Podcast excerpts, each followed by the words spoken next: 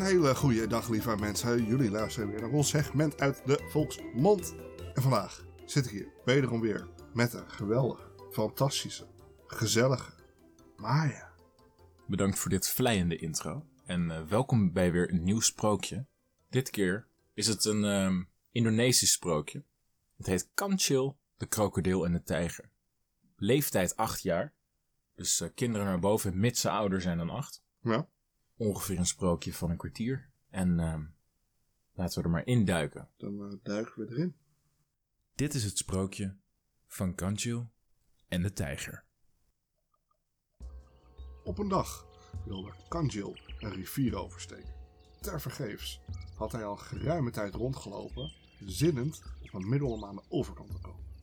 Tot hij uiteindelijk in de verte een krokodil zag drijven. Hij ging erheen en zei: Dag vriend krokodil. Zeg, ik geloof dat ons geslacht talrijker is dan het uwe. Hoe komt u daarbij? antwoordde de krokodil, die zich verbaasde over zo'n brutaliteit. Ik denk dat het onze veel talrijker is. Nee, Hield Kanjil vol. het onze. Nu begon de krokodil zich boos te maken. En het is toch het onze talrijke vriend? riep de krokodil. En hij liet zijn blinkende tanden zien. Maar Kanjil was daar helemaal niet van onder de indruk, Nu dan, sprak het dwerghert. indien uw geslacht werkelijk veel talrijker is dan het mijne, komt u dan met alle bij elkaar. Dan kan ik het nagaan. Want ik kan het eigenlijk nog steeds niet geloven. Volgens mij zijn er gewoon veel meer dwergherten. Goed, riep de krokodil. ik zal alle krokodillen bij elkaar roepen. Dan kun je het zelf zien dat wij met meer zijn. Hij dook onder en na enige tijd kwam hij weer boven met al zijn makkers, Zo, riep het dwerghert. nu zal ik u eerst tellen. Ga maar in een rij liggen, van hier tot aan de overkant. en de krokodillen die deden wat Kanjil zei.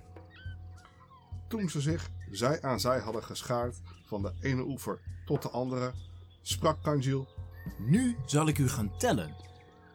Dat is best. zeiden de krokodillen, en ze bleven doodstil liggen, terwijl hun hart hevig klopte van nieuwsgierigheid. 1, 2, 3, 4, 5, 6, 7. Zei Kanjil, en hij was aan de overkant, Ha, krokodillen. riep hij. Het was helemaal niet mijn bedoeling om jullie te tellen. Ik moest gewoon naar de overkant. Bedankt voor jullie hulp. En lachend huppelde hij weg, terwijl de krokodillen hem nariepen. Pas jij maar op, hertje. Zodra je bij de waterkant komt, ben je er geweest. Niet lang daarna gebeurde het dat Kanjil dorst kreeg en naar de waterkant afdwaalde. Hij had nog geen slok genomen of een krokodil die had zijn poot beet, Nu heb ik je kansje. riep hij, Zeg vriend, zei het dwerghert. je wordt bijziend geloof ik. Want je hebt mijn stok te pakken, niet mijn poot. Grommend liet de krokodil los en Kanjil sprong vrolijk weg. De krokodil bleef echter op een middel zinnen om het dwerghert te doden. Op een dag kwam hij bij een oever en bleef dood stilzitten, zodat het net leek alsof hij een boomstam was. Op een van zijn tochten kwam Kanjil in de nabijheid van de krokodil. Kanjil die zag de boomstam liggen en omdat hij het niet helemaal vertrouwde, zei hij Indien u een boomstam bent, keer u dan om. Indien u een krokodil bent, blijf dan gewoon liggen. En de boomstam die keerde zich om. Dat is de krokodil. Toen Kanjil dat zag, maakte hij dat hij wegkwam, terwijl hij de krokodil toeriep. Een boomstam kan zich toch niet omkeren, domme krokodil? De krokodil zon weer op een list. Hij ging op zijn achterpoten staan en verroerde geen vin, zodat hij net een dode boom leek. Kanjil, die aan het rondwalen was, ontmoette hem en hij merkte dat de krokodil zich als een boomstam wilde voordoen. En hij zei, Hè? Wat is dat? Een boom of een krokodil? Als u een boom bent, keer u dan om. Als u een krokodil bent, dan kan je weer blijven staan gewoon. de boom, die draaide zich om voor hem. Een tweede keer. En Kanjil die sprong weg, Ja. terwijl hij riep. Je bent geen boom, je bent een krokodil. Nu was de krokodil weer heel erg boos op Kanjil. Hij wilde niets liever dan de onverlaat verscheuren. Hij zocht een goede plek in het woud De Vanen wist dat Kanjil er graag kwam en maakte daar een nest dat eruit moest zien als een varkensleger. Toen Kanjil op een dag weer uit wandelen ging, kwam hij bij het nest. Hij zag een klein stukje van een krokodillenstaart die uitstak en begreep dat de krokodil hem in de val wilde lokken en verwijderde zich. Nadat hij een eind afgelegen kwam hij een tijger tegen die op zoek was naar een lekker hapje. Om zich te redden, zei Kanjil Hallo vriend Tijger. Ik eh, weet eh, waar een heerlijke maaltijd voor u te wachten staat. Iets verder, hier vandaan ligt een vet varken op u te wachten. Zeg maar, mijn vriend, waar ligt dat? zei de tijger gretig. Want dat lust ik zeker wel. Kanjil die wees hem de weg naar het varkensleger. De tijger die haastte zich er naartoe, want hij had een geweldige trek gekregen. Hij besprong het en de krokodil die schrok zich wild en sprong op om zich te verdedigen. Ze vochten zo hard dat de kluiten aarde ervan in het rond vlogen. En toen ze er genoeg van hadden, staakten ze dodelijk vermoeid de strijd. Kanjil had er ondertussen wel voor gezorgd dat hij op een veilige afstand was. Hij was ver het woud ingevlucht, maar de tijger was woedend en ging op zoek naar het dwerghert. Schande dat hij zo was beetgenomen door Kanjil, dat kon hij niet verdragen. Na een lange tijd zoeken vond hij het dwerghert, dat bij een leshoeboom stond, die rijkelijk vrucht droeg.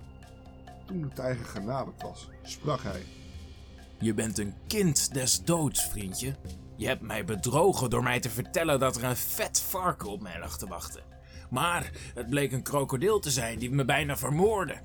Ik had het bijna tegen hem afgelegd. Kanjil, die antwoordde.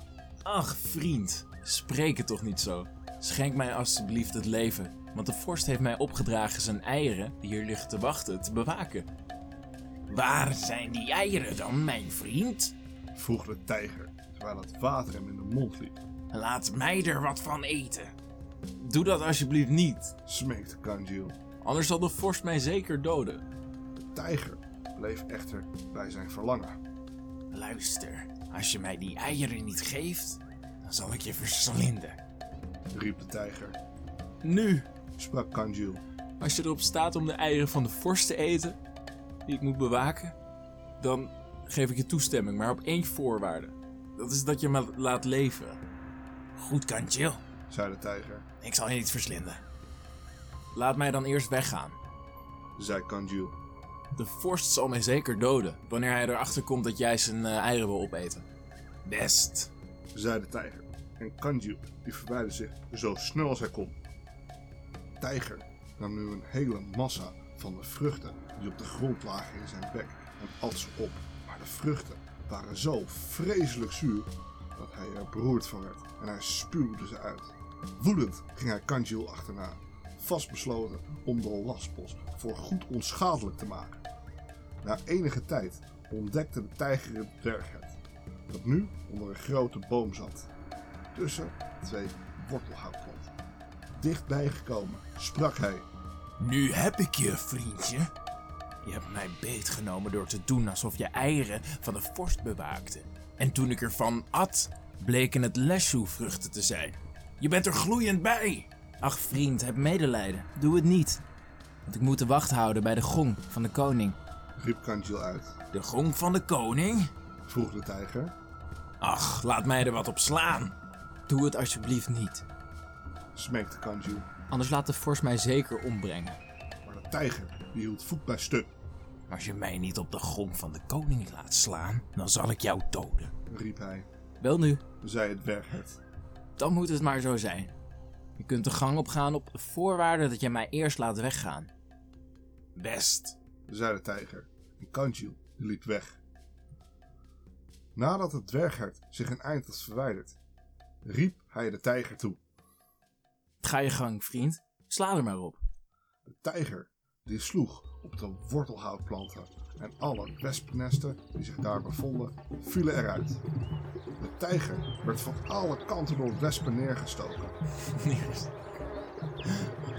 Meer dood dan levend vluchtte hij zo snel als hij kon, brullend van de pijn. Nadat hij een poos had gelopen, zag hij Kanjil weer. Zittend bij een grote in elkaar gekronkelde Sala-slang. Hadden, hadden die wespen gewoon messen dat ze hem neer gingen steken? Ja, met een, met, met een, met een, Met een bips- angels. Met een angels. De tijger, die zijn nu. En nu zul je mij niet meer ontsnappen, vriendje. Want ik zal voor eens en altijd korte metten met je maken. Je beweerde dat het een gong van de koning was die je bewaakte. Maar het waren wespennesten. Je verdient niet anders dat ik je verslind. Ach, vriend, doe het niet. Laat mij leven. Want ik moet hier de gordel van de koning bewaken. riep Kanjil. De gordel van de koning? zei de tijger. Och, vriend, ik zou graag weten hoe die eruit ziet. Mag ik hem zien? Hij is hier, vriend tijger. zei Kanjil, terwijl hij naar de slang wees. Och, wat mooi. riep de tijger uit. Mag ik hem eens omdoen? Dat moet je niet doen, mijn beste. zei Kanjil. Anders gaat de vorst mij zeker ombrengen. Want het is zijn eigen gordel. Wat? riep de tijger. Als je mij nou eens die gordel niet gauw geeft, dan zal ik je doden. Als dat zo is, goed dan. Maar laat mij eerst weggaan, want anders zal de vorst mij vinden. En mij doden. zei Kanjil. En hij maakte dat hij wegkwam. Toen hij zich op een veilige afstand bevond, riep hij de tijger toe. Ga je gang, vriend. Doe de gordel maar om. De tijger die pakte de prachtige, glanzende gordel en deed haar om. Ze sloot goed om het lichaam, Hij sluit niet voldoende. riep het dwerghert. De slang die kronkelde zich vaster om het lichaam van de tijger. De tijger die stierf. En dit was het einde van het sprookje. Ja, Ik ben benieuwd wat er met die krokodil uiteindelijk is gebeurd. Ik ook. Ik vind het, ik vind het wel een, eh, een vervolg waard, Ja. zeg maar. Het is een eh, gat in het plot. Ja, Eigenlijk, ja. maar, eh, weet je, kijk, het, het- het is niet zozeer een gat. Het is meer, ja, hij, wordt, hij v- verdwijnt ineens. Ik denk dat hij terugkomt in de sequel. Misschien wel, ja. Ja. Maar eh, een cijfer. Wat voor cijfer zou je dit sprookje geven? Nou, ik moet zeggen, ik heb betere sprookjes ge- Oh, gehoord. ik denk dat zo- menig mens daar wel ehm, ja, best wel beduust over is dat je dat zegt. Best wel boos, misschien Ja? zelfs. Ja, Zou je nog zeggen dat dit het allerbeste sprookje ooit zou zijn? zo ver wil ik niet gaan. Maar we weten eigenlijk uit ervaring dat sprookjes uit Nederlands-Indië best wel oké kunnen zijn, best wel goed kunnen zijn. Soms wel, soms wel. Deze staat niet in de top 10. Dat durf ik wel te zeggen. Van Indonesië. Misschien wel eigenlijk. Miss- Misschien staat hij wel op één. Nee, uit ik ben daar nog Indonesië. nooit geweest, dus ik durf het je echt niet te vertellen. Maar persoonlijk zou ik hem niet in mijn top 10 zetten. Wat is jouw top 10 sprookjes? Mijn top 10 sprookjes. Ja. Ah, ik, denk, ik denk dat we daar eventjes een apart verhaal van moeten maken. Een aparte Ik denk dat ook, podcast. ja. Ja. Want het kan natuurlijk wel een hele tijd duren. Oké. Maar, eh maar cijfer? Welk cijfer bind je hier aan? eh, een zes. 6 uit de 10. Ik ga, ik ga eh, me erbij aansluiten. 6 uit de 10. Nou, we zi- zitten toch wel op dezelfde aansluiting, zeg maar zo. Maar, eh, maar ja, normaal gesproken naam. doe jij ook nog wel eens graag een toelichting zo uit je hoofd. Ja. Wil- Wil je dit hier weer doen? Nee. Oh.